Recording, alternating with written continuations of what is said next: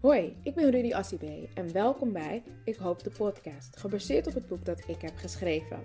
Ik Hoop de Podcast zijn much-needed conversaties tussen vrouwen van kleur over opgroeien in Nederland. Hoe is dat nou?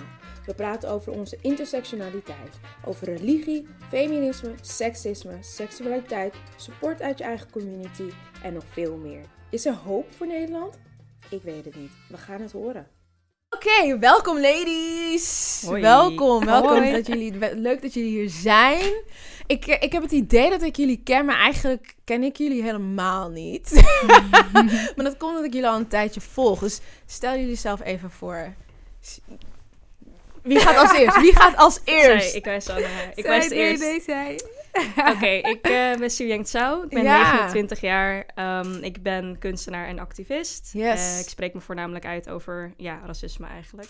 En over vrouwenrechten. Mhm. Ehm, en ik probeer in mijn werk ook echt mijn illustraties zo inclusief mogelijk te maken. Dus ik ben zelf echt op de zoektocht gegaan van... oké, alles wat ik heb aangeleerd van de witte vrouw als het maatje 32... naar mijn eigen, mijn eigen cultuur en Ja. zwarte vrouw te tekenen... en gewoon proberen zo inclusief mogelijk te blijven eigenlijk in wat ik maak. I love it. Ik vind echt alles wat je doet heel tof. Dankjewel. Ik volg het met ogen open. Ah. Learning a lot of things. You go, girl! Ja, ik ben Munganyende, Munganyende. Lenkgestel. Ik ben auteur en New Age publisher. Ik publiceer verhalen op het kruispunt tussen zwart zijn, vrouwwording en migratie. Ehm, en ja, daar maak ik allerlei eh, leuke dingen voor, zoals de podcast Fufu en Dadels. Yes! Eh, binnenkort mijn eerste boek, Vreemd Fruit. Oh mijn god, yay. Dus eh, ja, die dingen. En ik volg deze vrouwen ook met passie. Dus eh, ik ben heel allebei. benieuwd naar dit gesprek. Ja. Zo leuk. Ik vind echt, de- oh my god. Ik, ik, echt, het is zo leuk om, om tegenwoordig social media te hebben. Omdat je mensen volgt en je ziet ze groeien. En je ziet ze zo, zo mooie dingen doen. En dan zit ik nu hier met jullie. Ik vind, het voelt heel speciaal dan. Ja. het voelt alsof je Oprah ontmoet. Eh, dat wij ook waarschijnlijk met no jou, maar- pressure at all. Het voelt wel zo. Maar hoe gaat het met jullie? Hoe gaat het met jou? Mm, ja, nou ja, met mij gaat het in, over het algemeen goed, Ja. zeg maar. Maar als het echt specifiek over vandaag gaat, zou ik zeggen... I have seen better days.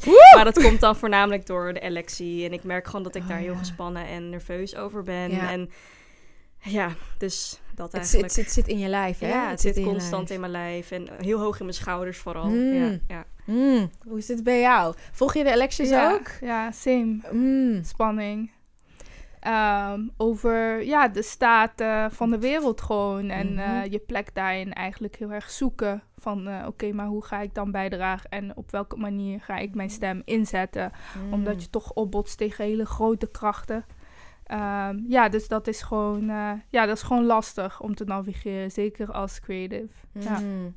Ik, eh, ik, heb, ik ben bewust gaan slapen, want ik dacht, skip deze hele shit. Mm. ik, ik stond vanochtend op en ik zag om zes uur allemaal berichten van vrienden van... Oh mijn god, en dit en dat. En ik kreeg gelijk ik stress. En ik wilde niet met stress hierheen komen, weet je. Ik dacht, Zeker. nee, nee, nee. Nee, I don't is- want ja, this. Dit is ook echt een beetje jouw moment natuurlijk. En het is zo zonde als dat dan inderdaad overheerst wordt. overheerst wordt. Maar toch, toch zaten we hier en de tv stond aan en we waren aan het kijken en we hadden het er net ook over. Hoe is, hoe is jullie gevoel hierbij? Ook wat er nu. Waarom? Twee vragen eigenlijk. Waarom voelen wij het eigenlijk? Want het is niet per se iets wat met. Het is niet een land waar wij wonen, maar toch zijn we heel erg betrokken. Is dat omdat het. Omdat we gewoon zoiets hebben van shit, het heeft zoveel invloed op wie wij zijn en hoe de wereld ook leeft eigenlijk. Is dat het? Ja, wil je daarop antwoorden? Ja, ja ik, ehm, ik denk het wel zeker. Ehm, omdat eh, ja, Amerika is gewoon een grootmacht. En heeft Mhm. gewoon heel veel invloed op eh, hoe de rest van de wereld opereert. Ehm, en die invloed gaat natuurlijk ook over hoe zij zichzelf neerzetten in de wereld. Als zeg maar eh, leaders of the free world. Dus dat, dat, eh, dat mes snijdt aan twee kanten. Dus het is ook inderdaad de vraag van hoe belangrijk moeten we ze maken in ons Hmm. dagelijks leven dan. Ja. Maar ik denk op politiek vlak, op institutioneel vlak, omdat ze die macht nu eenmaal ook hebben, is het belangrijk om die macht ook serieus te nemen. Ja. Ehm, maar daarnaast heb ik ook zoiets, en dat heb ik een paar jaar geleden al gedaan, is eh, mezelf geabonneerd op platforms zoals BBC Africa. Mhm. Ehm, waar je dan gewoon ziet dat er al meerdere elections zijn geweest across eh, ja. het continent. Waar niemand iets eh, van af weet. In december is die Ja. van Ghana. Oeh, Precies. I'm Dus scared too. ja, maar dat zijn dingen waar je dan. eh, ik, ik, ik voed mezelf ook bewust met andere Ja. eh, narratieven van eh, andere werelddelen. Ja, en ik eigenlijk hetzelfde. Want inderdaad, wat je zegt, er gebeurt nu zoveel, ook op andere plekken. En dit, dit, dit is natuurlijk ja, een van de belangrijkste nieuws. En dat zie je nu overal. Maar je ziet al bijna weer dus de hele situ- situatie bijvoorbeeld in Nigeria verdwijnen naar, naar de achtergrond. Eh, met EndSARS. Wat eventjes, ik heb het idee dat dat ook veel online afspeelde. En niet eens op tv of daarbuiten in nee, kranten. Dat zie je inderdaad helemaal niet dat zie je bijna niet gebeuren. En eh, nou, de situatie in Frankrijk, waarin, eh, Ja. waarin een heleboel moslimvrouwen zijn neergestoken of aangevallen, hoor je ook vrij, vrij weinig over. En dan Ja. vraag ik me echt af. Waar zijn we nog? Waar zijn we nu? Zijn we echt verder dan wa- waar we 1 juni stonden? Want heel veel mensen zijn super enthousiast over 1 juni. Mhm. Heeft de media echt iets geleerd? Wat denken jullie? Ehm, ja, vind ik wel echt een hele moeilijke vraag om te beantwoorden. Ja. Ik denk wel dat waarom we nu zo gefocust zijn, tenminste waarom ik heel gefocust ben op Amerika Ja. op dit moment, is voornamelijk omdat ik weet eh, hoeveel invloed het gaat uitoefenen. Niet alleen op Amerika zelf, maar natuurlijk over de rest van de wereld. En als je ook kijkt wat voor mediaplatformen zij hebben inderdaad en hoe eh, ja, veel gebruik ze maken van framing bijvoorbeeld. En Juist. ook alleen al hoe polariserend dat kan werken voor Nederlanders. Ehm, en de haatzaaierij natuurlijk die die onder de LHBT-gemeenschap, maar ook over zwarte mensen, Aziatische mensen. Het is gewoon echt heel problematisch. En ik ben gewoon heel bang dat als hij weer vier jaar aan de macht zou komen, dat ik ook mag vrezen over ons en over hoe we kijken naar raciale problemen, zeg maar. Ehm, ja, dus ik vind het heel moeilijk en ik weet niet zeker of de media heeft geleerd, maar ik denk wel dat er veel platformen komen die wel wat meer vrijgevochten zijn en die wel wat meer transparantie daarin proberen te brengen, zeg maar. Daar geloof ik wel echt in, maar ja, ik denk dat we het gewoon moeten aankijken. Ik denk, ja, want in maart moeten wij gaan stemmen. Ja. Hier. Ugh. en wij dealen met een Wilders en die andere... eh, Thierry Baudet. oh my god. die hele gekke dingen aan het beslissen zijn over ons lichaam. En I don't want it. Ik, ik, ik, what the fuck? Mhm. Waar zijn we in beland? Zeker. waarom zijn deze mannen, eh, vooral witte mannen, aan het beslissen wat wij met onze aan het doen zijn? En nieuwe regels ook met betrekking tot seksueel misbruik. Absoluut. Eh, ik weet niet of jullie allemaal het stuk hebben gelezen wat er in de NRC eh, voorbij kwam over kunst, kunstenaar die een heleboel insane fucked up shit heeft gedaan. ja. Hoe is Nederland nu? Wat vinden we van Nederland nu? dat is echt een vraag. Hoe vinden jullie Nederland nu? Hm. Dat is een hele. Dat is een hele complexe vraag. Ik, Ja. eh, het is gewoon lastig om daar op een. eh, eh, zeg maar. Simpele manier simpele te of geven. positieve manier vooral. Because I'm looking for the. For the The positivity. ja, en de, zeg maar. De eh, lining. lining. maar eh, Is die er? Eh, ja, echt op politiek vlak is dat heel lastig. Toch? Ehm, ja, je ziet gewoon, wat, wat ik gewoon merk is vooral in de afgelopen vier jaar, en daarom inderdaad is het heel fijn dat er gewoon zoveel platformen de, de, de grond uitschieten. En is Eh, nodig, denk ja, ik ook. Ja. Omdat je gewoon ziet dat zo een, eh, eh, een bepaalde manier van praten in ideologie eh, van, van zo'n iemand die wordt gezien als de machtigste man ter wereld, dat dat gewoon ja, heel erg heeft beïnvloed wat er genormaliseerd wordt in, de, in de rest van de wereld. En in de politicologie heb je zoiets als de overtone window. En dat is soort van bijna een soort van window of opportunity. Waarbij Mm. zeg maar een, een, een, een raam dat open staat. En hoe verder die open staat, hoe meer iets genormaliseerd wordt into the mainstream. Om bepaalde Mhm. dingen te zeggen over vrouwen, over LHBT'ers, Mhm. over noem maar op. Dus het is bijna een soort van een huis dat je aan het dichttimmeren bent en aan het Mhm. isoleren bent. En eh, dan besluit iemand daar het raam op te zetten. En steeds verder gaat die kier. En Ja. eh, heel Denk langzaam. je ook omdat Trump dus nu ook vier jaar aan de macht is geweest, hè? Na, na Obama. En I still love Obama met all his flaws, maar a person has flaws. denk je dat hij het ook makkelijker heeft gemaakt dat een Thierry Baudet nu ook zo groot is, aan het worden is? Denk je dat het ervoor gezorgd heeft dat rechts überhaupt, en ik wil ook racisme niet hangen aan rechts, maar hè, het ligt nu wel voornamelijk daar, dat het daardoor ook op andere plekken buiten Nederland, ook België, ook Duitsland, Denemarken, noem maar op, Engeland met Brexit, dat daar rechts meer macht is gaan krijgen. Komt dat ook door een Trump?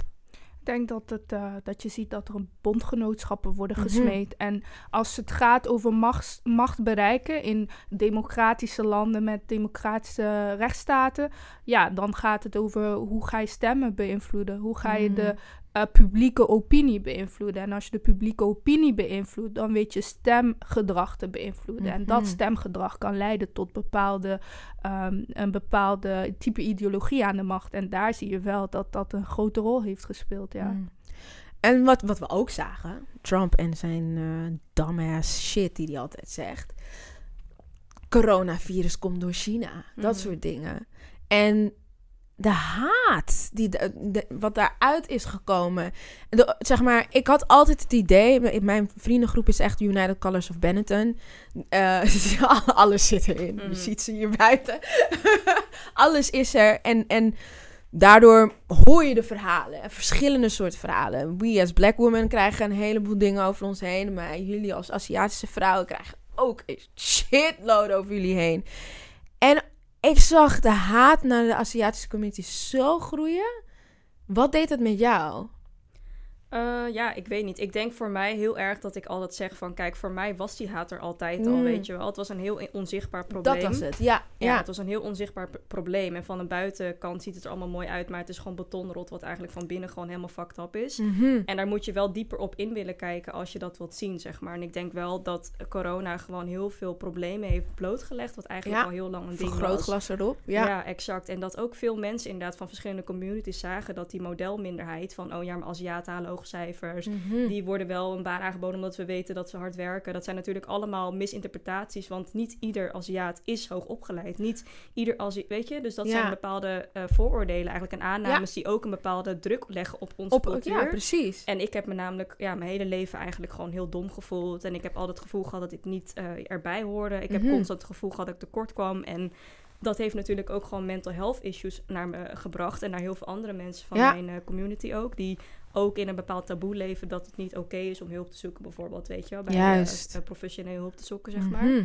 En ik denk dat het allerbelangrijkste is, is dat we gewoon allemaal begrijpen dat we in dezelfde onderdrukking vallen, zeg maar. Dus we vallen allemaal onder diezelfde patriarchaal systeem, waarin de Ja. witte hetero-cisman ja, onder ons, eh, boven ons staat, zeg maar. Ehm, en dat we echt samen moeten uniten, inderdaad, door dit soort podcasts te doen, maar ook inderdaad ja. Samen te werken om, om dat te begrijpen en de complexiteit van racisme, zeg maar. Let's talk about it. Communities. Want hè, we allemaal verschillende communities. Ook al zijn wij dezelfde huidskleur. We still live in different community. Hetzelfde geldt voor de Aziatische community. We, we, we, hebben, we zijn geen mannenlid. Maar toch ergens moeten we ons united voelen. Ik denk dat 1 juni dat ook wel ergens heeft gebracht. Voor, voor een heleboel verschillende culturen. Dat we uiteindelijk toch dachten van... Oké, we moeten dit inderdaad samen doen. Ja. Is dat altijd zo geweest? Voor mij niet namelijk. Ik heb altijd een beetje gehad dat we op eilandjes leefden. De, de, de Afrikanen op een eiland. soort van, oké, eh, de Bokoes genoemd worden. De Surinamers en de Antillianen op een eiland. De Indonezen en, en de Molukkers op een eiland. En dan Ja. had je de Chinezen en de... Ja. Zeg maar, allemaal verschillende eilandjes. Wat was het vroeger? Is dat nu steeds meer naar elkaar aan het trekken? Ik denk dat er van afhangt welke stad je leeft en opgroeit. Mm. En ik denk dat dat geldt voor het verleden ook. Ik denk dat een stad als Rotterdam bijvoorbeeld heel Ja. erg een bepaalde vorm van ehm meerstemmigheid laat zien. Die, die, die, die heel erg over, overlapt en, Mhm. en, en over gemeenschappen heen Mhm. zeg maar, eh, treedt. Ja. eh, op veel verschillende vlakken, eh, maar dan ook heel specifiek in hun straatcultuur, zeg maar. En ehm, ik kom zelf bijvoorbeeld uit Eindhoven. ehm, en daar heerst bijvoorbeeld een, ook weer een heel andere sentiment dan in Amsterdam. Nu bijvoorbeeld in Amsterdam merk ik vooral dat zeg maar best wel inderdaad dat meer van die eilandjes. Mhm. Ehm, en dan eh, maar dan zijn die eilandjes ook meer, misschien wat meer buurtspecifiek. Dus wat betreft, als, Ja. als je van een bepaalde buurt komt, Ja. kan je nog steeds toebehoren tot hetzelfde thuis. eh, en dan is dat de gemeenschap nog Juist, meer dan misschien eh, de etnische achtergrond. En in ehm, Eindhoven merkte ik, in mijn beleving, was het ook heel buurt gefocust. Ik kom uit Woensel, Woensel Noord. Ehm, het is dat je eh, Eindhoven zei, anders had ik echt niet geweten waar ja. I'm that Wel, we, we hebben de rapper Woenselaar die het een beetje ik. als, als. Belg... eh, I know him. Al- Als Belg heeft hij dat wel een beetje toch eh, een beetje naar de voorgrond gebracht. ja. En dat, eh, dat maakt hem als Woenselaar wel trots. Eh, maar ja, je hebt, daar was het meer inderdaad... Dat, dat lag er echt aan. In, op wijkniveau zag je wel echt een, eh, een, een samenkomst van meerstemmigheid, van verhalen, van eh, mensen die allerlei ervaringen met elkaar deelden, zeg Mhm. maar. Dus dat je... Je hebt niet veel, maar je hebt elkaar. Mhm. En dus die bondgenootschappen die ge- gesmeed worden op, eh, op, op, op ja, wat ik dan noem het hete ijzer van armoede, maar ook het hete ijzer van weinig hebben en dus dan elkaar hebben, zeg maar. Ehm, dus ja, dat, dat, is, eh, dat was meer de Eindhovense realiteit. Maar tuurlijk zijn daarbinnen ook, ehm, ook uitdagingen. En ik denk wat een mooie highlight was dit jaar, is dat heel specifiek naar voren is gekomen. Oké, er zijn heel, hele specifieke manieren waarop eh, wij eh, racisme ervaren, omdat mensen op verschillende manieren geracialiseerd worden. En daarmee zeggen we niet dat de een meer plek moet krijgen dan de ander. Daarmee zeggen we dat iedereen zijn eigen specifieke eh, uitsluitingsmechanisme heeft en ook de, zijn eigen specifieke gesprekken daarvoor mag voeren en naar de voorgrond daarin eh, mag treden. Dat, dat, dat maakt het zo sterk. Ja. En toch, want wat ik ook merkte, en ik, ik, ik eh, zit inmiddels al elf jaar, eh, besefte ik me net zo samen met Veronica in, in de media-industrie. Met heel veel hoofdpijn. Ik kan me voorstellen. eh, ja, het, eh, Maar ik denk wel dat je ook wel ergens inderdaad hoop hebt. ik heb hoop, ja, ik, eh, Ehm, gekregen. Ja, ja. gekregen Voor de wel. veranderingen, Voor, ja. de, voor de veranderingen. En zeker als ik het vergelijk met hoe, waar, waar we toen, Veronica en ik begonnen, eh, allebei toen bij MTV, naar waar we, waar we nu zijn en waar we ook nu kunnen bewegen. Ik, ik heb, het is een beetje dubbel, want ik denk ergens dat het komt omdat ik al elf jaar in de industrie zit. Mhm. En Nederland is klein. En het Mhm. medialandschap is nog kleiner. Dezelfde mensen bewegen er nog steeds in. Ik ben tien jaar ouder, maar de anderen zijn ook tien jaar ouder. En die waren toen 40 en zijn nu 50. Mhm. en dus ze kennen me. Ze, kennen mij, eh, eh, ze herkennen mijn gezicht. Eh, ze weten wie ik ben. Dus ik heb nu een bepaalde soort zeggenschap om ook te kunnen zeggen wat ik wil. Ik ben ook niet meer bang om mijn baan kwijt te raken. Eh, waar, waar ik tien jaar geleden, eh, als je me toen dingen had gevraagd, dan had ik mijn mond gehouden. En nu heb ik gewoon zoiets van, eh, don't care. Mhm. If, if, you don't, if you don't want this, I'll create my own space Mhm. ik heb het idee dat dat sentiment nu steeds meer is. En ik heb ook Ja. het idee dat Generation Z sowieso al gaande is. Zij gaan nu gewoon voor hun eigen dingen. Is, is dat zo? Ja, ehm, ik denk wel dat wat jij zegt, zeg maar, over dat je dan inderdaad al tien jaar in een bepaalde branche zit, dat je daardoor inderdaad wat losser wordt, als in je durft wat meer te spreken. Ja. En als ik ook bijvoorbeeld kijk naar Amy, die natuurlijk eh, in de mode-industrie Ja. zit, ehm, dan zie ik dat ook bij haar heel erg. En voor mezelf kan ik niet spreken, omdat ik zelf nooit echt in één sector heb gezeten. Ik ben echt een beetje Ja. door alles heen gegaan. Maar ik zie wel dat inderdaad mensen die al langer ergens zitten, nu steeds meer ja, naar voren durven te komen. Ja. Ehm, en dat is iets heel moois en belangrijks, denk ik, ook voor inderdaad generatie Z, die misschien uiteindelijk wel bepaalde ambities heeft om misschien in dezelfde sector te belanden. Ehm, daar maken wij nu wel wegen voor vrij. Dat, Ja. Daar ben ik wel van mening van. En ik denk wel dat de mensen die voor ons zijn gegaan, ja, heel erg toch wel binnen een bepaalde witte norm vielen. Als ik zeg maar soms ook kijk naar één specifieke eh, Oost-Aziatische presentatrice die eh, bij NPO geloof ik werkt. En die dan een hele kwalijke uitspraak had gedaan over dat, eh, dat we het niet moeten hebben over alleen maar witte mensen die racistische opmerkingen maken, maar ook over gema- gemarginaliseerde groepen die racistische opmerkingen maken. En dat ik toen echt dacht van, jij hebt een bepaalde denkwijze omdat jij gewoon al jarenlang lang in die in- omgeving ja. zit. Dus jij denkt als een witte man, basically. Ja, maar ze denkt waarschijnlijk ook omdat dat, dat als zij dat zegt, dan behoudt ze haar baan, dan behoudt ze haar positie. En daar vanuit daar gaat ze dat soort dingen zeggen. En, En dat is ja. zo jammerlijk. En ik denk dat ze het ook echt oprecht denkt, zeg maar. Ja. Ik denk dat ze oprecht ook zo ernaar Ja. kijkt. Terwijl als je zeg maar je meer verdiept in het, de complexiteit van, weet je wel, institutioneel racisme, dan snap je dat dat natuurlijk een hele problematische uitspraak is. Maar ik denk omdat zij dus dagelijks hoort van, ja, je hebt gelijk, ja, je hebt gelijk, dat je ook denkt dat dat dus zo is. Dat Dat, je gewoon is. constant in dat bubbeltje zit van dezelfde mensen, Ja, eh, met dezelfde kennis en daardoor ook niet durven open te breken. juist. En als er dan een keer iemand van kleur komt, dan is het, oh, we moeten haar bellen, want zij eh, spreekt voor een hele homogene Oh, groep. Terwijl dat is natuurlijk niet zo. Jij bent inderdaad, wat je net zei, een hele andere soort vrouw dan zij weer is. Ja. En zo gaat dat maar door. En ja, dat is wel eh, En een ding. ik merk dat dat steeds ook meer naar boven komt. Ik, Lil Wayne, die bijvoorbeeld Trump support. ik, ehm, ik ga iets zeggen wat best wel hard is, maar ik denk wel dat het gezegd moet worden, omdat we het ook over moeten hebben. Waarom is het zo? dat zwarte, rijke mannen in hemelsnaam altijd van die domme opmerkingen maken. What happened? Wat, waarom maken zij dezelfde aparte opmerkingen als witte vrouwen vaak? Ik heb het, soms heb ik het idee dat ze op eenzelfde level opereren. Am I wrong here? ik, denk, ik denk dat daar wel een kern van waarheid in zit. Al denk ik dat we daar voorzichtig mee moeten zijn. I omdat- know. Omdat ik denk, as you, as you as well know, dat zijn moeilijke gesprekken om te voeren buiten om de zwarte gemeenschap. Omdat die echt zo, zeg maar... eh, Het is gevoelig. Community gevoelig. dynamics. Maar ik heb wel eh, eh, een keer op Twitter eh, een analyse gelezen dat eh, iemand zei van black men are the white women or the, of the black community. Ja, De black he- eh, zwarte hetero mannen dan specifiek. Specifiek Ja, ja, de ja, hetero mannen. Ehm, en, da- en dan ging het met name niet om de miskenning van de. Het miskennen van de, van de zeg maar, het gevaar dat eh, zwarte mannen lopen. En de, en, de, en de racisme en de agressie. Maar eigenlijk inderdaad dat level van opereren. juist. Dat zeg maar. En dat herken ik wel ook.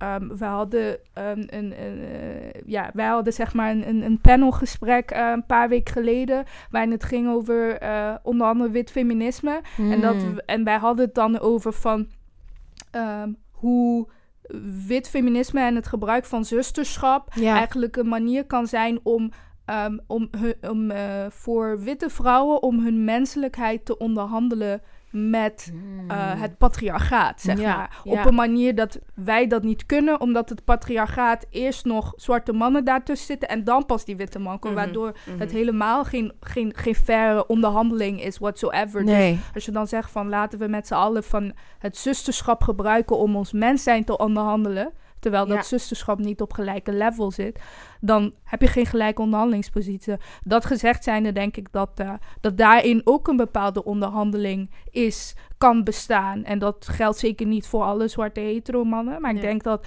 in het geval van bijvoorbeeld een rijke Lil Wayne, een 50 Cent, ehm, al eh, dat soort Kanye mannen... West. Ja, een ehm, ehm, Ice Cube. Ehm, dat daar een level is van inderdaad, ja, die onderhandelingspositie. The Ja. only next thing, zeg maar, er is één stap verwijderd van wit patriarchaat zijn. Ehm, dat. En daarnaast ook het hele felle geloof nog steeds van in eh, zwart kapitalisme. Mm. In het idee dat kapitalisme, als het maar zwart is, een bevrijding kan be- betekenen. En is dat zo? Denken we dat überhaupt kapitalisme... Wow, dan gaan we een heel ander gesprek voeren. Maar Heb je nog een uur? Ja, echt hè. Maar ergens toch wel de, de vraag stellen. Want denk je dat dat iets is waar, waar wij als mensen van kleur moeten, naar, moeten streven? Ik heb het idee dat, dat op verschillende fronten... Hè, eh, mijn Ghanese cultuur is, is niet kapitalistisch. Het is ook heel anders ingericht. Politiek is anders ingericht. Als we terug zouden gaan naar hoe het, hè, hoe het was. Hoe Ghana, was toen niet eens Ghana. Maar goed, hoe het Akan-volk ehm, opereerde. Was totaal anders. Eh, we, we haten nu bijna een soort van op de tribes die er nu zijn. Ehm, we, we, wij, wij zijn opeens democratisch, terwijl we eh, eigenlijk zijn van dat een tribe een zijn of haar een, een, een, een, een hoofd heeft van een tribe. En die gaan, en die gaan bepalen hoe zo'n zo'n tribe leeft en doet. En vaak zijn die tribe leaders ook nog eens vrouwen. Zijn vaak vrouwen geweest. Al dat is nu verdwenen en nu leven we eigenlijk zoals het Westerse willen dat wij leven. Is het de juiste way? Ik vraag het me af. Is het de juiste way? Weer een hele complexe is het vraag. complex? ik Eh, vraag alleen maar complexe. ik, ja, ik, ik denk gewoon persoonlijk, als ik zeg maar een persoonlijk antwoord Ja. moet geven, denk ik gewoon dat kapitalisme een heel gevaarlijk systeem is, wat naar mijn mening heel erg is gefaald, zeg maar, weet je wel. Als ik gewoon kijk naar eh, alles wat, het, ja, wat er naartoe heeft geleden, als je gewoon kijkt naar ehm, rijk en arm, als je kijkt naar hoe mensen nog op straat kunnen leven, er geen gentrificatie over alle landen en steden nu bestaan en ehm, ja, mensen die gewoon constant onzekerder worden, omdat ze gewoon constant shit wordt aangepraat om dingen te kopen. En Ehm, ja, heel veel mensen die ook niet meer ethisch verantwoord willen nadenken, omdat ze, weet je wel, bang zijn dat hun geld eronder zal lijden. De, de keuzes die geword ma- geworden, worden gemaakt door, door ja, haat en greed. En gewoon, ja, ik ben geen fan van kapitalisme, Nee, nee, zeker niet. En ik denk wel dat we vergeten dat uiteindelijk zijn we allemaal mensen. Ehm, en ik denk wel dat als je ook kijkt naar het coronavirus, een heel groot stempel heeft gezet dat wij kapitalisme boven mensenleven zetten. Dood. Echt. Ja. En dat zie je, want ik, was met mijn moeder tv aan het kijken. Aan, echt aan het begin, toen het begon en alle persconferenties waren. En mijn moeder bleef hardnekkig zeggen... Rudy, gaat geen lockdown komen, want geld is in Nederland belangrijker. En ik dacht, nee toch, nee toch. Maar elke keer weer zei hij weer van, ja, mm, geen lockdown. We gaan dit nog wel een beetje open. En ik dacht, wauw. En mensen maar haten op alle eh, POC's in, in, in Nederland. En, en ik dacht van, dit zijn de mensen die nu wel voor zorgen dat het land blijft staan. Hè? Want die moeten wel gewoon op... Eh, net als in Amerika dat, dat zij de postbodes en de, en, en de, zeg maar de essential jobs hebben. Is dat, het is eigenlijk hier ook hetzelfde. De essentials jobs liggen bij onze ouders die gewoon hè, nog steeds in een ziekenhuis de zusters zijn. De, de, op, op Schiphol eh, alle andere dingen moeten doen daar. Ehm, en toch bleef het, ging het land maar niet op slot. Ik was echt, ja, misschien soms dan toch te naïef, maar toch wel shocked daardoor. Dat dat, ehm, dat, dat dus de Nederland is waar we in leven. Ben jullie, zijn jullie nog wel eens verrast door Nederland? En de reacties op, op, op racisme ook? Mm, nee, ik denk niet dat ik verrast ben. En ik denk dat dat komt omdat ik niet uit de grootstad kom. Dus Mhm. ik, eh, mijn blik van hoe ik kijk naar de progressie als het aankomt op eh, de, de ethische progressie en Mhm. de manier waarop mensen kijken naar, eh, naar, mi- naar de migratiekwesties, Ja. kwesties, racisme-kwesties, vrouwenkwesties, uh, met LHBTI-kwesties, dan ja, denk ik dat dat mij niet verbaast, omdat ik op op, omdat ik zeg maar heel op een hele vroege leeftijd ondergedompeld ben in de realiteit. Vertel ons daar meer over. eh, ja. nou, als, ehm, als iemand die opgegroeid is in buiten de Randstad, in Eindhoven, met de zachte G en al die dingen. Ehm, ja, je, ehm, je krijgt gewoon een periferie van Nederland te zien, zeg Mhm. maar. Ehm, en wat ik merk gewoon in Amsterdamse context is dat men er vaak een soort van blindelings voor uitgaat van Amsterdam is mee, zo Nederland is mee. En dat is Mhm. gewoon is gevaarlijk. Dat, is heel, dat is heel, Ja. dat is best wel navelstaarderij. ja. Uh, want een heleboel mensen doen inderdaad die essential jobs en moeten daarna terug naar hun huis in West-Friesland of noem maar op. ja. Ehm, dus ja, dat zijn, ehm, dat zijn zeker dingen om mee rekening te houden. En ik denk, vond het ook interessant wat je net zei over, Hm. de, uh, over het COVID-19. Ik denk dat het ook heel erg heeft blootgelegd hoe. ehm, dat het klassisme echt heeft blootgelegd. ja. En dat het de omgekeerde intelligentie of de omgekeerde eh, soort van ratio van klassisme heeft Mm. blootgelegd. Dat Ja. eigenlijk inderdaad dat wij het nu die essentiële banen noemen. Dat Ja. is iets wat al jaren niet is gevallen. Totaal. Als, als, als zeg maar woord om te beschrijven wat, de, Wat wat zij- het ja. werk is dat heel veel van onze ouders, broers, zussen, familieleden doen. En daar breder genomen nog, dat is niet eens alleen een verhaal over eh, mensen van kleur. Dat is een verhaal over de meerderheid, Meerderheid van, van Nederland. Nederland. Ja. Ehm, en van de wereld. Ja. Ehm, dus ik denk dat dat dat eh, eh, ja, heel veel mensen met neus op de feiten heeft gedrukt. En ik ben wel heel benieuwd naar ehm, in hoeverre dat gaat doorcijpelen naar het bewustzijn van mensen, naar het ageren tegen een manier van denken die inderdaad um, um, uh, ja, een, een, grote groep, 60, 70 procent van de bevolking, als soort van een nagedachte behandelt. Mm -hmm. Want ik heb wel inderdaad het idee, en ja, ik ben, ik ben een Amsterdammer, dus ja, Half-half trouwens. Ik ben in Zwanenburg ook opgegroeid. Net buiten de rand, buiten Amsterdam. En daar was het racisme echt rampant. Het was aanwezig. En daar werd ik echt inderdaad met neus op de feiten gedrukt van... Oh, oh, it's not how I thought it was. En um, ik ben zwart. Dat, dat ging ik als kind toen beseffen. En soms merk ik dat ik bijna die ervaring van Zwanenburg vergeet. Omdat ik dan in een bubbel leef nu weer... Uh, woon weer in Amsterdam al, hoever lang. En, en dat ik dan vergeet van shit, die kinderen die nu buiten de Randstad wonen en moeten dealen strakjes met 5 december, Sinterklaas weer en, en al, die, al die dingen. Die hebben het echt zwaar. Die moeten echt door een, die gaan echt door een tijdperk heen. En wat dat met je doet emotioneel is insane. Ik kon op een gegeven moment ontsnappen. Ik ben na mijn 16 dacht ik, skip Zwanen, I can't deal. Ik ben weg. Mm. Weggegaan. En toen ben ik weer terug naar mijn stad gegaan. Maar voor heel veel anderen is dat niet zo simpel. Voor jou en Eindhoven, hoe was dat? Hoe was dat als kind zijn? Um, ja, wel uh, lastig. Ik heb daar zeker wel veel geleerd. Ja. Maar ik heb in Eindhoven even lang gewoond als dat ik in Brussel heb gewoond. Dus Precies. ik zie het ook niet als een groter deel. Ja. Belangrijke deel ja. van mijn leven. Um, het heeft me tot op bepaalde hoogte gevormd. Net zoals Brussel. Ik heb ook acht jaar in Brussel, uh, zeven jaar in Brussel gewoond. Wat me ja, ook heeft, uh, heel erg heeft gevormd.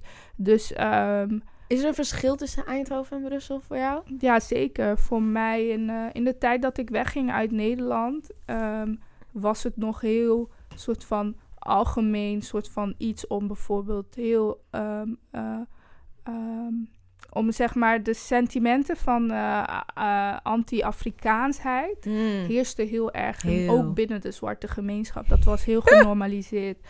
ja, dat hoor je dan. Uh, wij kenden in onze, in onze stad persoonlijk kenden we het woord Boku niet. Niet naar mijn weten, maar Wa waar kom wel... jij, wat is jouw afkomst? Jouw ouders afkomst? Rwandees. Ja, en in, ja. Onze, in onze stad of zo was dat niet per se een woord, maar het was wel, en, want dat woord was heel significant voor, als ze, zeg maar, om te beschrijven wat die anti-Afrikaans sentiment was ja. in Amsterdam. Maar het, het heerste wel. Um, en wat het verschil was, omdat ik zeg maar een groot deel van mijn jeugd ook heb doorgebracht in Brussel. Um, is dat ik daar za zag ik een bepaalde bondgenootschap onder mensen van kleur. Mm. Dat e eerst en vooral. Ik denk dat dat ook te maken heeft met het feit dat je gewoon um, die Franstaligheid, zeg maar. Um, dat, uh, dat Frankrijk een, uh, helaas een land is dat, uh, maar, dat Noord-Afrikaanse landen heeft gekoloniseerd, waaronder Marokko, waar je dan een soort van bondgenootschap smeet met andere um, Franstalige uh, zwarte, voornamelijk islamitische Afrikanen. Mm -hmm. Dus daar zag ik gewoon een groot bondgenootschap. Um, en daarnaast was het heel Afrikaans gecentreerd. Juist. Dus um, uh, daar waar ik, uh, ja, waar dat zeg maar hier niet zo uh, genormaliseerd was. Dus toen ik in eerste instantie mijn vertrek uit uit uh, Noord-Brabant, uit Eindhoven, uit Nederland. Ik kende Nederland niet eens zo heel goed, de rest van Nederland, maar dat was mijn representatie van Nederland. En dat vertrek symboliseerde eigenlijk een terugkeer naar mijn Afrikaanse naar identiteit. Wow. Om, om, om mijn mensen om me heen te kunnen zien zonder dat zij zich voor zichzelf schamen. Mm. Zeg maar. Mm. En ik denk dat dat ook wel zo is. Ik, ik voel je. Ik ben helemaal. Het is echt mee eens. Ik ben er echt mee eens. Want ik had hetzelfde als Ghanese zijnde. En ik groeide voornamelijk op onder, met de Surinamers en de Antillianen. En het, we zijn gewoon niet hetzelfde.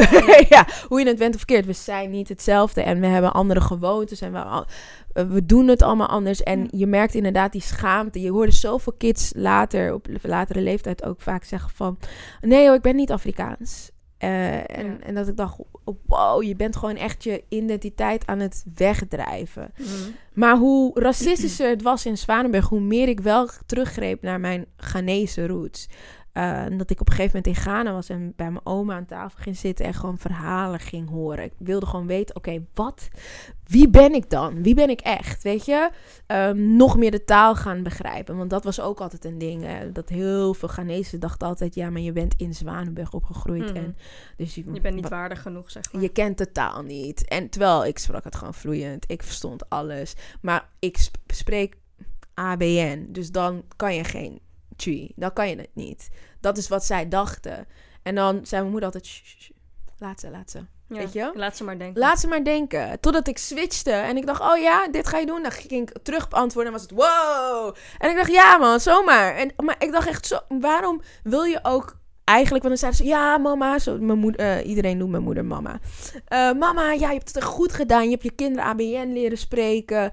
eh, en geen chi. En ik dacht, hè? What do you mean about that? Herken jij dit? Is dat ook een beetje iets wat in de Aziatische community speelt van een beetje schaamte voor je, voor, voor, voor, voor je afkomst? ja, zeker. Ik denk dat we dat daar allemaal doorheen gaan, zeg Toch? maar. Als Ja. persoon van kleur of als een zwart persoon in, in een land waarin jij de minderheid bent, dan probeer je gewoon constant te assimileren naar de meerderheid, weet je wel. Ik heb gewoon jarenlang ook, ik ben dan in de Belmer opgegroeid toevallig, en dan Ja, ja, groei je gewoon op... Eh, ja, en, maar ik was wel alsnog de enige Chinese meisje van school, Aha. zeg maar. Dus Ja, Eh, het ging al heel snel over het feit dat ik eh, een Chinees meisje was en kleine ogen en andere huidskleur. En weet je, dus dat was ook een ding. dat is ook een dus ik wil het ook zeker hebben over, want we doen nu alsof het in de Randstad niet gebeurt. Maar in de Randstad is natuurlijk ook racisme en dat wil ik wel echt aankaarten ook. Ehm. Toen zijn we op een gegeven moment al meer een stad verhuisd. En uiteindelijk is in Alphen aan de Rijn de grootste periode van mijn leven gehad. Dus dat was ook echt een dorp, zeg maar. Mhm. Eh, en het is natuurlijk wel raar om inderdaad de energie te voelen van een grote stad naar een dorp eigenlijk. Right, er een christelijke school, zijn hele andere dingen daar natuurlijk die spelen. Ehm, dus ik heb wel inderdaad de grootste gedeelte van mijn leven toen ik, in me, toen ik nog kind was, eh, wit willen zijn. En gewoon een naam willen hebben die makkelijk uitspreekbaar is. Ehm, heel vaak gewoon erbij stilgestaan van eh, dat ik niet precies wit wat privileges waren. Maar ik wist gewoon dat als ik blond haar en blauwe ogen, was mijn leven is alles anders. Was gewoon Ja. zo. Dat, dat wist ik, dat voelde ik. Ehm, en ja, het was ook zwaar voor mijn ouders, want ehm, zij hebben gewoon een eigen zaak, zeg maar. En ik was wel dat zo van, ik wil bij andere kindjes spelen, want hun huis is zo groot en daar Ja. mag ik eten wat ik wil. En Ja. weet je wel, dus dan ging ik, kwam ik thuis en dan ging ik soort van altijd zo pochen van, ja, mijn vrienden hebben dit, mijn vrienden hebben dat. En nu denk ik echt van, hoe kan je dat gezegd hebben tegen Ja. je ouders, weet je wel? Maar ik zag ook dat het ze heel veel verdriet deed als Ja. ik dat soort dingen sprak, weet je. En eh, en dat is wel heel pijnlijk om te zien. En ook het feit dat ik, wat ik net vertelde, dat ik nu pas de afgelopen jaar ontdek hoe het is om een zwarte vrouw te tekenen. Hoe ik pas nu ontdek hoe het is om een Chinese vrouw te tekenen. Omdat ik gewoon nooit heb geleerd hoe dat moest, weet je wel. Mm. En als ik dan ook bijvoorbeeld met zwarte fotografen, eh, toevallig een laatst eentje waar ik mee heb gewerkt, een, een goede vriendin van mij. Eh, zij ging foto's van mij maken. En daar kwamen dus foto's uit waarin, ze, waarin ik een hele witte huid had. Mm. En ik zei tegen haar van, je hebt mij geëdit naar een ander persoon, weet je wel. En zei ze van, oh, ik sta er eigenlijk nu pas bij stil dat ik gewoon whitewash edit heb toegepast op jou als zwarte vrouw. En omdat hoe ik dat zijn ge- we geprogrammeerd? hoe zijn we geprogrammeerd hè? naar Ja. wat is schoonheid, Ja. weet je? En ik heb mezelf ook super lang aan, onaantrekkelijk gevonden. Omdat dat Mm. kreeg ik te horen van anderen. Maar ook als ik naar rolmodellen keek, leken ze niet op mij. En, en nu pas, nu ik inderdaad op Instagram, op socials, weet je wel, wat meer ook vollere vrouwen. Want de meeste Aziatische vrouwen worden als dun, maatje 32. En ik ben gewoon wat voller, weet je. Eh, dus ik werd ook altijd als dikke genoemd en dergelijke. Een bepaalde maatstaven waar ik niet naar opleefde. Ik heb tatoeages, Mm. piercings. Gewoon alles wat een vrouw niet hoort te zijn in mijn moeders ogen, zeg maar. ja, dat, dat zijn echt problematische dingen om in op te groeien. En nu zeg maar op socials Hun gewoon... ideeën Ja, van, van, van ook van schoonheid ja. en alles. En ja. ook als ik kijk naar Chinese mannen, zouden ze met mij thuiskomen? I probably don't, zeg maar. Dus ze zouden Mm. dat niet zo snel doen, want ze Eh. denken, deze vrouw te mondig. Ze, weet Dus- je, dus, dus, dus ja, het is een, echt een heel complex systeem complex, eigenlijk. Van constant moeten leven naar wat ze van ons verwachten. En, eh, Het, ja. is, het, is, het is pijnlijk en soms eh, wel nodig om die gesprekken te voeren. Ik heb dat ook een tijdje terug met mijn moeder gehad. Dat ik zei van ja, weet je, ik vond het eigenlijk niet chill dat je, hoe vaak je eigenlijk zei: laat het los, laat het. Weet je, laat ze maar. Laat het, het is ja, oké. Mijn moeder zei dat ook altijd. Het moest, ik moest het altijd maar in een doosje stoppen en wegleggen. En niet meer naar omkijken. Oh, Ja. ik dacht echt, jongens, kunnen jullie leren om gewoon dingen te zeggen? I know dat, dat, dat je dat, weet je, mijn, mijn moeder is hier gekomen toen ze 17 was naar Duitsland en toen op een gegeven moment naar Nederland. Ik weet dat jullie een soort van dankbaarheidsgevoel Exact, hebben, maar dit, let ja. it go. Ja, ja. je woont hier nu al weet ik hoeveel jaar. Let- dit- Ja. Zeg maar, ik, ik vind, ik ben, ik, ik, zeg, ik zei op een gegeven moment ook tegen haar van, yo, weet je, ik ben niet vanuit Ghana hier naartoe gekomen. Je bent Dit gewoon een Nederlander. Dit is de plek waar ik ben geboren. En, en ook als het het niet was, op een gegeven moment woon je hier al zo lang en heb je, ik zeg altijd, betaal je al zoveel belasting? Exact, ja, ja, ja. I have the right to complain. Ja. Ik wil klagen. Zeker. En ik wil het niet meer inhouden. En ik wil niet meer. Ik wil niet de hele tijd horen dat je, dat je tegen me zegt van ja, maar eh, weet je, je moet gewoon rustig zijn. Je moet stil zijn, want anders ben je die, die angry black woman. Ja. Zeg maar niks, want dan gaan, vinden ze je lief. Nee, mama, stop hiermee. En mag ik Ja. vragen aan jullie allebei dan? Ja. Want kijk, wij hebben natuurlijk inderdaad onze ouders als een bepaalde generatie die heel erg die zwijgcultuur heeft Ja. en die dankbaarheid. Hoe kijken ze nu naar jou bijvoorbeeld, nu je een boek hebt geschreven, Oh, nu je mondiger bent? En, en hoe, hoe is dat voor jullie eigenlijk nu? Ja, ik ben echt heel benieuwd. Ja, Ehm, ja ehm, voor mij is het net wat anders. Omdat ehm, ehm, mijn achtergrond is dat ik hier niet ben gekomen uit vrijwillige keuze. Ik eh, Mhm. ben een vluchteling. Zwarte vluchtelingen worden vaak niet gerepresenteerd in onze discours over vluchten. Maar. Ehm, ik ben geen economische migrant. En als het anders kon zijn geweest, was ik hier niet geweest. Mhm. Dus ik denk dat daarin er ook een andere houding was vanuit Ja. mijn ouders. Ja. Ehm, niet Mm. echt dankbaarheid, meer gewoon hou nog eventjes vol. We zijn hier nog maar eventjes. Mm. Ja, zij Ehm, dachten dat we wel terug ja. zouden gaan. Hebt gewoon zo, en dat geldt eigenlijk, denk ik, als ik het zo mag zeggen, voor, ik denk, ja, gewoon voor een groot deel van de vluchtelingen. Het is, het Ja. echt geen pretje om te vluchten. Zeker niet. Om alles achter te laten zonder plan of, ehm, of, met een plan zonder te weten of dat plan uit gaat komen. Ja. En vaak ook, want dat, dat eh, eh, gedeelte van de genezen die hier zijn, zijn ook eh, vluchtelingen. eh, maar daar wordt niet heel veel over gesproken. Mm. Dus het gaat een ding zijn dat Mm. ik er nu over spreek. Maar, want het is, eh, ze zijn gevlucht vanwege de dictator die er Ja, toen was. politieke, politieke, redenen. vluchtelingen. Ja. Ja. En heel veel van hun zijn, gaan nooit meer terug. Omdat als zodra ze sta- zeg maar in Ghana zijn, worden Ja. ze afgemaakt. Wow, ja. En, ehm, en daar zijn hele grote families hier die van eh, presidenten komen. ehm, die dus nooit terug gaan, Mm. gaan. Dus ik snap echt Ja. helemaal waar je het over hebt. Het is een bepaald gevoel. En zij zijn hoogopgeleide mensen vaak. En, en, en zelfs als ze dat niet zijn, zou het niet uit moeten maken. Maar je verliest je complete identiteit dan wanneer je hier komt. En eigenlijk tegen je wordt gezegd wat jij nu bent. Mhm. mm, You're not even worth it, weet je Mm. wel. Je kan je beroep niet uitvoeren. Eh, Je begint helemaal opnieuw. ja. Toch? Dat, Ja. dat gevoel Ja. is het. Ge en het is heftig. Ja. is heftig. Ja, nee, klopt. Dus daarin verhoud ik me anders tot dat Mhm. gevoel van dankbaarheid. Dat is niet wat ik heb aangeleerd gekregen. Mijn ouders waren hele eh, politiek kritische mensen. Mm. Ze zijn politieke vluchtelingen. Ze zijn Mm. gevlucht voor hun vrije woord. Dus ze Mhm. gaan hun vrije woord ook laten horen. ja. Eh, binnen, ja. de, eh, binnen de woonkamer, onze eigen woonkamer. Want Ja. natuurlijk kunnen zij ook code switchen. En Ja, ja, ja. dus dat doen ze ook heel goed. Ehm, maar ja, dan ga je toch. dus wat bij, maar wat ik weer wel herken bij jou is meer zo. Bij jou Sieng, is meer zo die overlevingsstand. Kop, Mhm. gewoon, eh, kop, eh, gewoon kop omlaag, weet je wel. Gewoon Mhm. Doorvechten. doorvechten, doorbijten. Dus het is wel een gedeeld soort van gevoel van, ja, maar gewoon doorbijten. Alleen op een gegeven moment komt er voor mij als, als eh, kind van migratie en als kind van, eh, eh, ehm, van oorlog, is er wel op een gegeven moment zo'n gevoel van, oké, die tien jaar werden twintig jaar, die twintig jaar worden dertig jaar. Ja. Um, you know, op een gegeven moment ga ik wel moeten wortelen, because it, it looks like we ain't going back. Ja, ja, ja, ja. Nou, eh, mama. nou, eh, you kept Ja. saying we're going back, but... uh, Dus dat is, ja, jaar.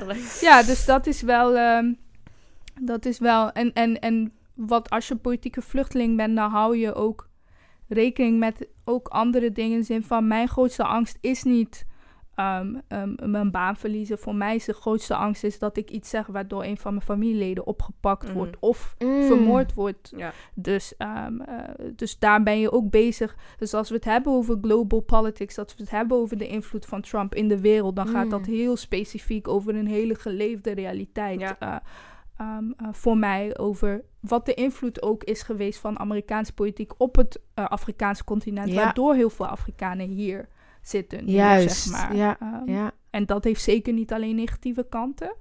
Uh, maar het is wel iets om, om, om rekening mee te houden. Dus ja, zo is, het, uh, zo is het voor mij wat betreft dat publieke figuur zijn. Is gewoon dat constante navigeren. En dan vooral de grootste rol speelt... hoe navigeer ik de positie van politieke vluchtelingschap... meer dan um, uitgesproken uh, Rwandees meisje... of uitgesproken ja. zwarte dochter... Wat, waar ik iets meer scheid aan heb, ja. om het zo ja, te ik zeggen. ook. Ik denk dat voor mij is het meer... Uh, ik, uitgesproken was ik toen al, maar op een andere soort manier. Mm. Op een andere manier.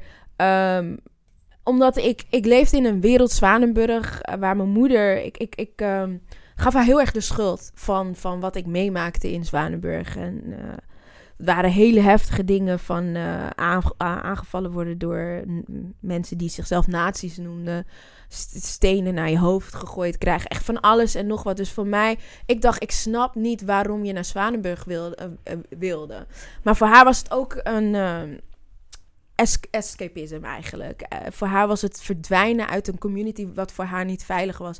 En dat was de Genezen community in de Bijlmer. Voor haar was, zij had zoiets van, ik, ik kan jullie hier niet in opvoeden. De manier waarop zij doen en praten en, en gewoon de negativiteit vond zij niet goed voor ons. Alleen kwamen we in een andere soort negativiteit terecht. Ja, uh, waar zij natuurlijk toen de tijd niet bewust ze van was. was er niet van bewust. Nee. En, en ze was... Ze dacht dat liever dit... Eigenlijk witte mensen om je heen... dan je eigen mensen om je heen. Ja. En ik heb haar dat wel kwalijk genomen. En we hebben later heel goede gesprekken over gehad. En we zijn nu de beste vriendinnen. Maar omdat ik zoiets had van...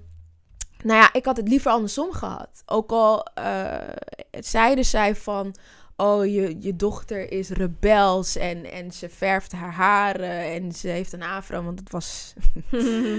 dat uh, vinden mensen niet leuk dat je een afro hebt, hè, want dat is niet netjes. En ze heeft een piercing. Uh, haar vrienden zijn, komen uit LGBTQ+. Oh, ze hebben, over alles hebben ze wel wat te zeggen. Ze mm -hmm. hangt met te veel mannen. Dat. Al, over alles. Maar ik had toch dat liever gehad, omdat ik dan toch meer thuis had gevoeld. En, en ja, toch? Hoe gek dat ook is, hè? Al die shit die ze dan over je heen gaan. Maar ik had me dan toch iets meer thuis gevoeld. Dan nu tussen witte mensen die je dan op andere manieren gaan aan, aan uh, vallen, aanvallen op, op dat vlak. En dus ik denk dat zij, dat zei ik ook tegen haar. Als kind zei ik van, ik snap het gewoon niet. Ik snap gewoon niet waarom we hier zijn en waarom we hier wonen. En op een gegeven moment heeft ze geluisterd en we zijn op onze zestiende weggegaan. Maar ik denk dat zij van mij al gewend was dat ik, er, dat ik er iets over te zeggen had. En dat ik in die intersectionaliteit zat. Dus en ik was het niet eens met die hele vrouw-mannenrol die best wel van deze tijd is in de, in de Ghanese community. Ik was het niet mee eens dat, dat in de uh, Ghanese community haat was naar de LGBTQ plus community. Ik was er niet mee eens dat ze niks, of nou ja, niet niks zeiden, maar dat ze zo stil waren over ja. racisme. Dus heel ik selectief was, Ja, echt heel selectief. Dus ik was al best wel, nee, I don't Wat accept bedoel je met shit. dat selectieve? Ja, gewoon, ik denk dat ze soms zeggen ze er iets van... Wie Ghanese mensen? Ghanese, ja. En dan zeggen ze er iets van, van ja, maar weet je wat, da, dat is eigenlijk niet oké. Okay. En dan switchte ik van, maar wat jij nu doet, jij, dat jij verwacht dat ik nu tijdens een, een, dat bijvoorbeeld mijn oma is overleden, dat ik nu op een, uh, jou ga bedienen, omdat jij in mijn huis bent en, en, en ik een vrouw ben en jullie als mannen daar moeten blijven zitten, is ook niet oké. Okay. Laten we het daar dan over hebben. En dan was het, oh, je dochter is echt brutaal, dit kan niet. Mm -hmm. weet je? Mm -hmm. dit, en, en dat, zeg maar, dat selectieve van kiezen van wanneer je wel ja. en niet iets bekritiseert, vond ik not done. Want waarom ben je stil wanneer het gaat om our, us as a people? Weet je, weet je, waarom ben je stil wanneer wij zeg maar, ik ben, van, ik ben van mening dat we dat onderling moeten bespreken. Ja. We hoeven niet altijd alles, zeg maar, eh, weet je, open bloot, zeg maar, met witte mensen te bespreken. Like, Mhm. I, do, I do not believe that. Niet altijd. Sommige dingen ja. Sommige dingen denk ik, let's talk about it. Wij met z'n tweeën, let's talk. Mhm. Maar waarom, waarom wanneer ik dat bekritiseer, ben je gelijk aange, voel je aangevallen? Maar dan wanneer ik zeg maar de witte mensen, de machthouders bekritiseer, denk je, ja, ga maar, doe maar, je wint toch niet. Dat is het ook vaak, hè? Mhm. Doe dat maar. Is leuk, leuk wat je doet. Ehm, en dat vind ik zo jammer. En, eh, en dan zodra, ook, zodra ik dat dus dan ook ga doen, dan krijg je dus vaak van, ah, cute. Weet je wel? Ja, maar, ja, ja, maar jij hebt het zo makkelijk hier. Hè, wij, wij hebben echt gestreden. Wij zijn hier naar Nederland toegekomen. We hebben echt Ja. we hebben gestreden. En dat vond ik, zeg maar... Dat vond ik heel apart. En ik heb dat soort gesprekken heb ik met mijn moeder, maar ook echt met iedereen gehad. eh, in de genezen community eh, in Nederland. Omdat ik zoiets had van, ja man, jullie moeten echt daarmee ophouden. Mhm. Ja. En, en, en het geeft een bepaald beeld van de kinderen. Hè? Ik bedoel, je ziet nog steeds.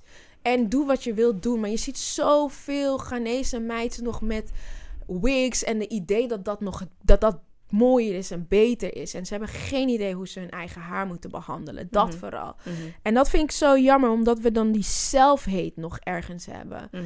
En, en, en ik wou dat, dat, dat ehm, onze ouders eigenlijk meer naar ons zouden kijken en denken van... Weet je wat? Wat jij nu doet, deze strijd die je nu voert...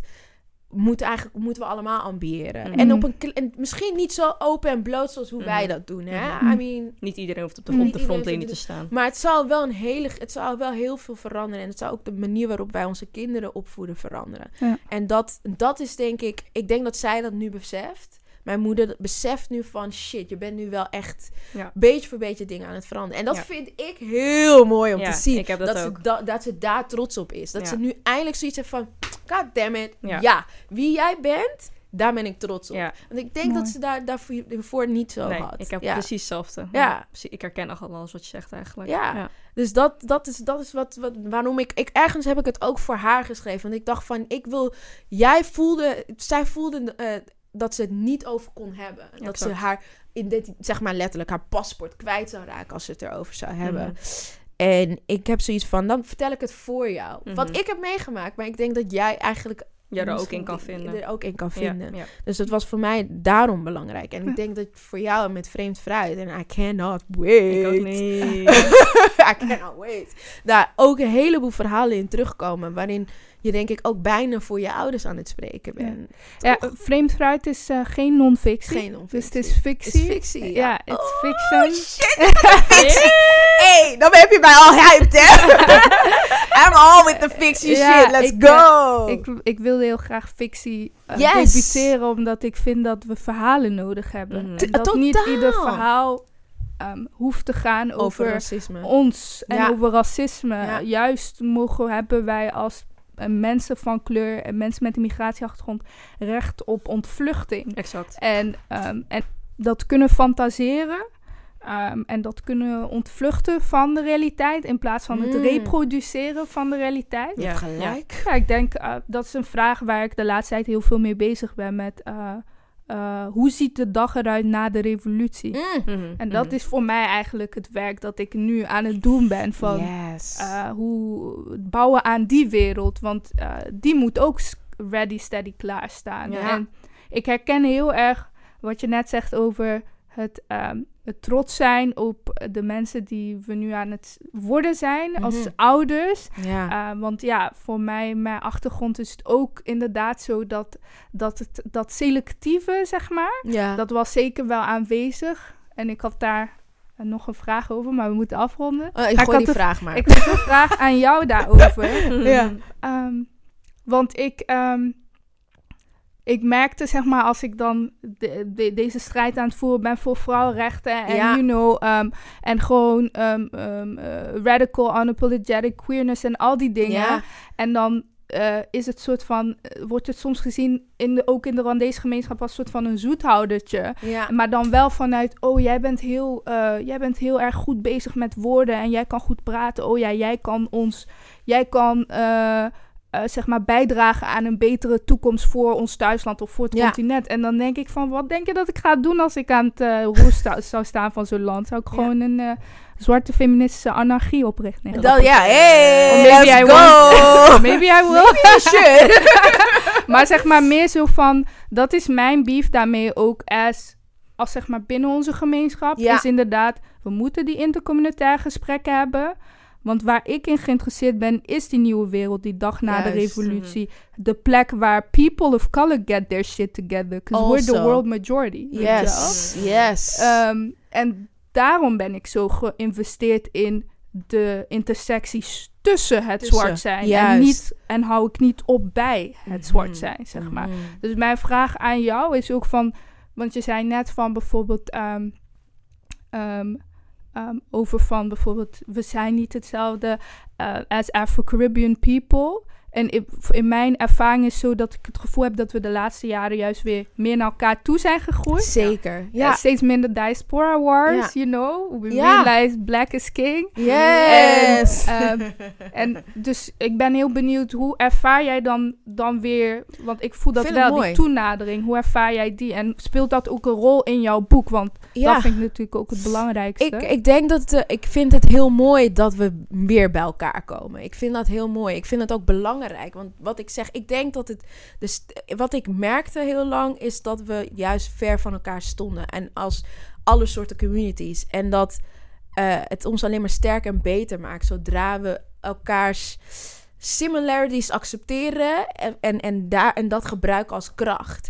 En we zijn altijd andere soorten mensen. Dat, zeg maar, dat blijft altijd in onze core. Maar ergens, dat is waarom POC, denk ik ook, ehm, toch met elkaar kunnen chillen zonder dat er een of andere stress op een gegeven moment komt. Het is omdat we ergens, hebben wij als mensen van kleur, allemaal ergens die warmte Ja. en, dat- en die- dat gevoel wat, wat we allemaal met elkaar hebben. En dat brengt ons naar elkaar toe. En ik denk, ik vind het heel belangrijk dat dat gebeurt. En dan, daar eindig ik mijn boek ook mee, want dat geeft mij hoop. Het feit dat wij nu voor elkaar strijden. Mhm. Het feit dat wij nu voor elkaar er zijn. Dat we, en ik hoop echt dat dat meer gaat gebeuren. Dat we strijden voor de queer community as black people, as Mhm. black women. en expliciet, black women. Are we zijn echt voor, aan het vechten. En dat moeten wij doen. Net als dat witte mensen moeten vechten voor, voor, voor onze cause. Dus as in van, wij kunnen het niet... Wij kunnen het niet alleen als black people of als Asian people, als, als whatever. Wij kunnen niet alleen die strijd aangaan. We hebben die allies nodig. Omdat zij hun opa's en oma's en tantes en mensen in de overheid en zo echt... Daar, daar, ze luisteren helaas alleen maar naar hen. En hier en daar zullen ze naar ons luisteren. Maar we hebben die mensen nodig. Hetzelfde is het zo in onze queer community. Like, for real. Wij moeten het, beter gaan maken voor hen. In, in, en en ik, hetzelfde verhaal vertel ik in Ghana, wanneer ik daar ben. Dat ik zeg van, ik, ga, ik wil niet aanhoren dat je hun haat of dit. Ik wil het niet horen. Je gaat of veranderen of je bent niet in mijn buurt. En die, die strijd voer ik even hard daar als hier. En ik heb het idee dat nu juist dat we dichter bij elkaar zijn, dat we elkaar veel beter aan het begrijpen zijn en dat we ook elkaars causes beter begrijpen en dat we dus daardoor veel sterker staan en dan uiteindelijk echt shit kunnen veranderen. En niet per se dat we dan daar bij, bij- in de Tweede Kamer willen zitten. Nou, we're gonna create our own Tweede Kamer. Mhm. We're gonna create our own tables. Foefen en dadels. Weet je, Mhm. like, dat, dat is het meer. En ik denk, omdat we elkaar supporten, hebben we meer respect. Hebben we meer zelfvertrouwen. Zijn we gewoon inderdaad, black is king. Uh, what kind of black doesn't even matter. Gewoon iedereen hier. We're more proud of who we are than Mhm. ever before. En dat is ons ontnomen honderden jaren geleden. Exact. And we're getting our power back. Mm. En die kracht. Oh. Wanneer dat zeg maar in de volgende generatie gaat komen en weer in de volgende en in de volgende. Yo, we're magic man. We're Mm. actually magic. Mm. En, en daar, daar vecht ik voor. En dat, dat is mijn hoop. Echt. Mooi. Ja. Mooie afsluiter. Ja, dat is een mooie afsluiting. ja. Oké jongens, ehm, ik wil wel één laatste vraag nog stellen. Wat is jullie hoop voor de toekomst? En begin natuurlijk met ik hoop. Eh, oeh, ik, ik moet er even nadenken. Ja, ja. Ik was wel heel benieuwd naar jou. Nee. ik zit heel de tijd de bal daar te kaatsen. Hey, hey, boom.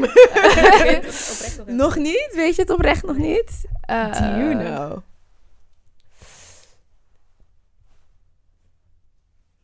Ja, het is een moeilijke vraag. hè? Hele moeilijke. Ja, ja, ja. Ik kan ook beginnen met... Denken jullie dat er na 1 juni echt iets is veranderd? Dat witte mensen het nu echt begrijpen? Oeh. Is ook een moeilijke vraag. Een moeilijke vraag. Ik, ik hoop Ja. dat wij als eh, zwarte mensen, indigenous mensen, mensen van kleur, mensen met een migratieachtergrond, beter kunnen worden in community building. In het werk dat er nodig voor is om onze gemeenschappen op te bouwen.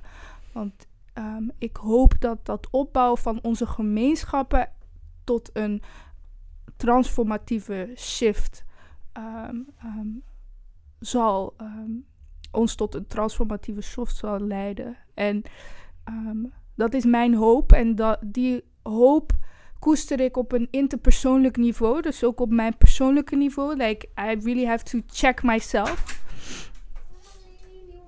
Ja. I really have to check myself op een interpersoonlijke level van ehm, hoe, hoe blijf ik geïnvesteerd in het bouwen van deze gemeenschap. Dus dat gaat ook over hoe blijf ik in gesprek met mijn mensen.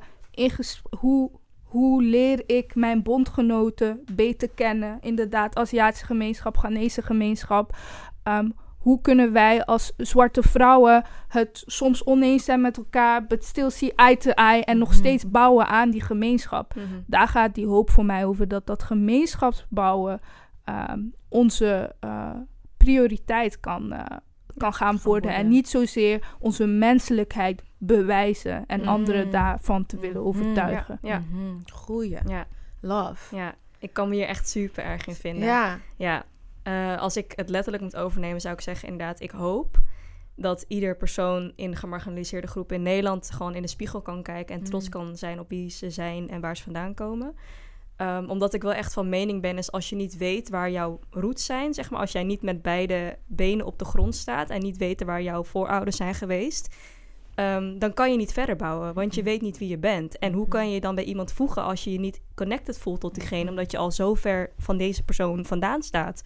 Als ik ook kijk naar Amy en hoe zij nu bouwt in haar Marokkaanse gemeenschap, die niet eens begrijpen van welke deel zij komen en claimen dat ze Arabieren zijn, Mm. when they're not. Maar dat dan denken, omdat ze horen dat Berbers, weet je, omdat Berbers natuurlijk ook iets wat niet gebruikelijk is en dat mag je ook eigenlijk helemaal niet gebruiken. En we zich. En dat je, ja, Ja. emmen zich inderdaad. En dat mensen niet begrijpen dat je eigenlijk je zo lang hebt geschaamd voor waar je vandaan komt, dat je niet weet wie je bent. En dat kan ik ook naar mezelf toe kijken. Ehm, dat ik ook weet dat als ik verder wil groeien, dat ik ook inderdaad mij met community building verder kan gaan groeien. En dat er nog zoveel binnen de community gedaan moet worden. Mhm. En als ik nu ook kijk naar sinds ik me heb uitgesproken tegen racisme eh, onder de Aziatische bevolking, hoe zij naar elkaar toe zijn gegroeid. En dat ik nu gewoon meerdere collect- collectieven kan vinden. Zodat ik zeg, oh ja, die zijn daarmee bezig, die zijn daarmee Mm. bezig. En dat is zo bijzonder, want een jaar geleden bestonden deze collectieven nog niet. En eh, het is zo fijn om dan samen inderdaad petities te kunnen opbouwen. Dat we samen inderdaad kunnen brainstormen over ideeën. En uiteindelijk dan ook die bruggen kunnen bouwen naar andere culturen. En inderdaad daar de gemeenschappelijke eh, vlakken van eh, inzien.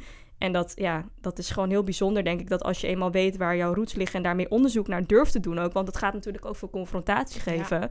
Maar durf erin te duiken, weet je wel. Ik, ik spreek bijvoorbeeld ook geen Mandarijn Chinees. Ik spreek wel Kantonees, maar dat is nu natuurlijk niet meer de gebruikelijke taal. Dat ik ook denk van ja, ik moet dat gewoon weer leren Mm. om uiteindelijk ook weer daar dichterbij te kunnen staan en mezelf beter te leren begrijpen. En ik heb mezelf heel lang niet willen onderzoeken uit die schaamte en die confrontatie, maar ik weet wel dat dat de volgende stap is om te kunnen groeien. Juist. Ehm, en uiteindelijk ook naar elkaar te kunnen groeien. Want als je constant die zelfhaat draagt, dan ga je die haat ook op een ander neerleggen. Juist. En zodra je die zelfliefde creëert, dan begrijp je inderdaad de essentie van hoe belangrijk het is om Ja. samen te werken. I love this conversation. Echt, ik zweer, als zij, als, als zij niet naar binnen moesten, dan zouden we nog een uur hier zitten. Thank you all for coming. Maybe there be a deel 2 en dan roep ik jullie gewoon weer. We zijn in de buurt. ja, precies. Dank jullie wel. Ik kan echt niet wachten, vrees eruit. Ik ben daar als eerste. Thank you. Mijn boekenkast heeft al een plekje ready. Is no joke. Ik maak altijd plek voor boeken die nog Oh. aan moeten komen. Shout out naar Ik Ja. Hoop. Dank je. Ik zie jullie snel. Thanks, thanks, Thank thanks. Yes, I love.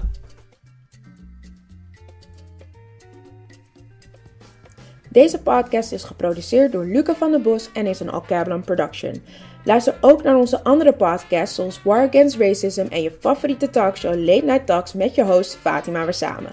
Wil je meer weten over Alcablon en Late Night Talks? Follow us on Instagram at Alcablon Project en at.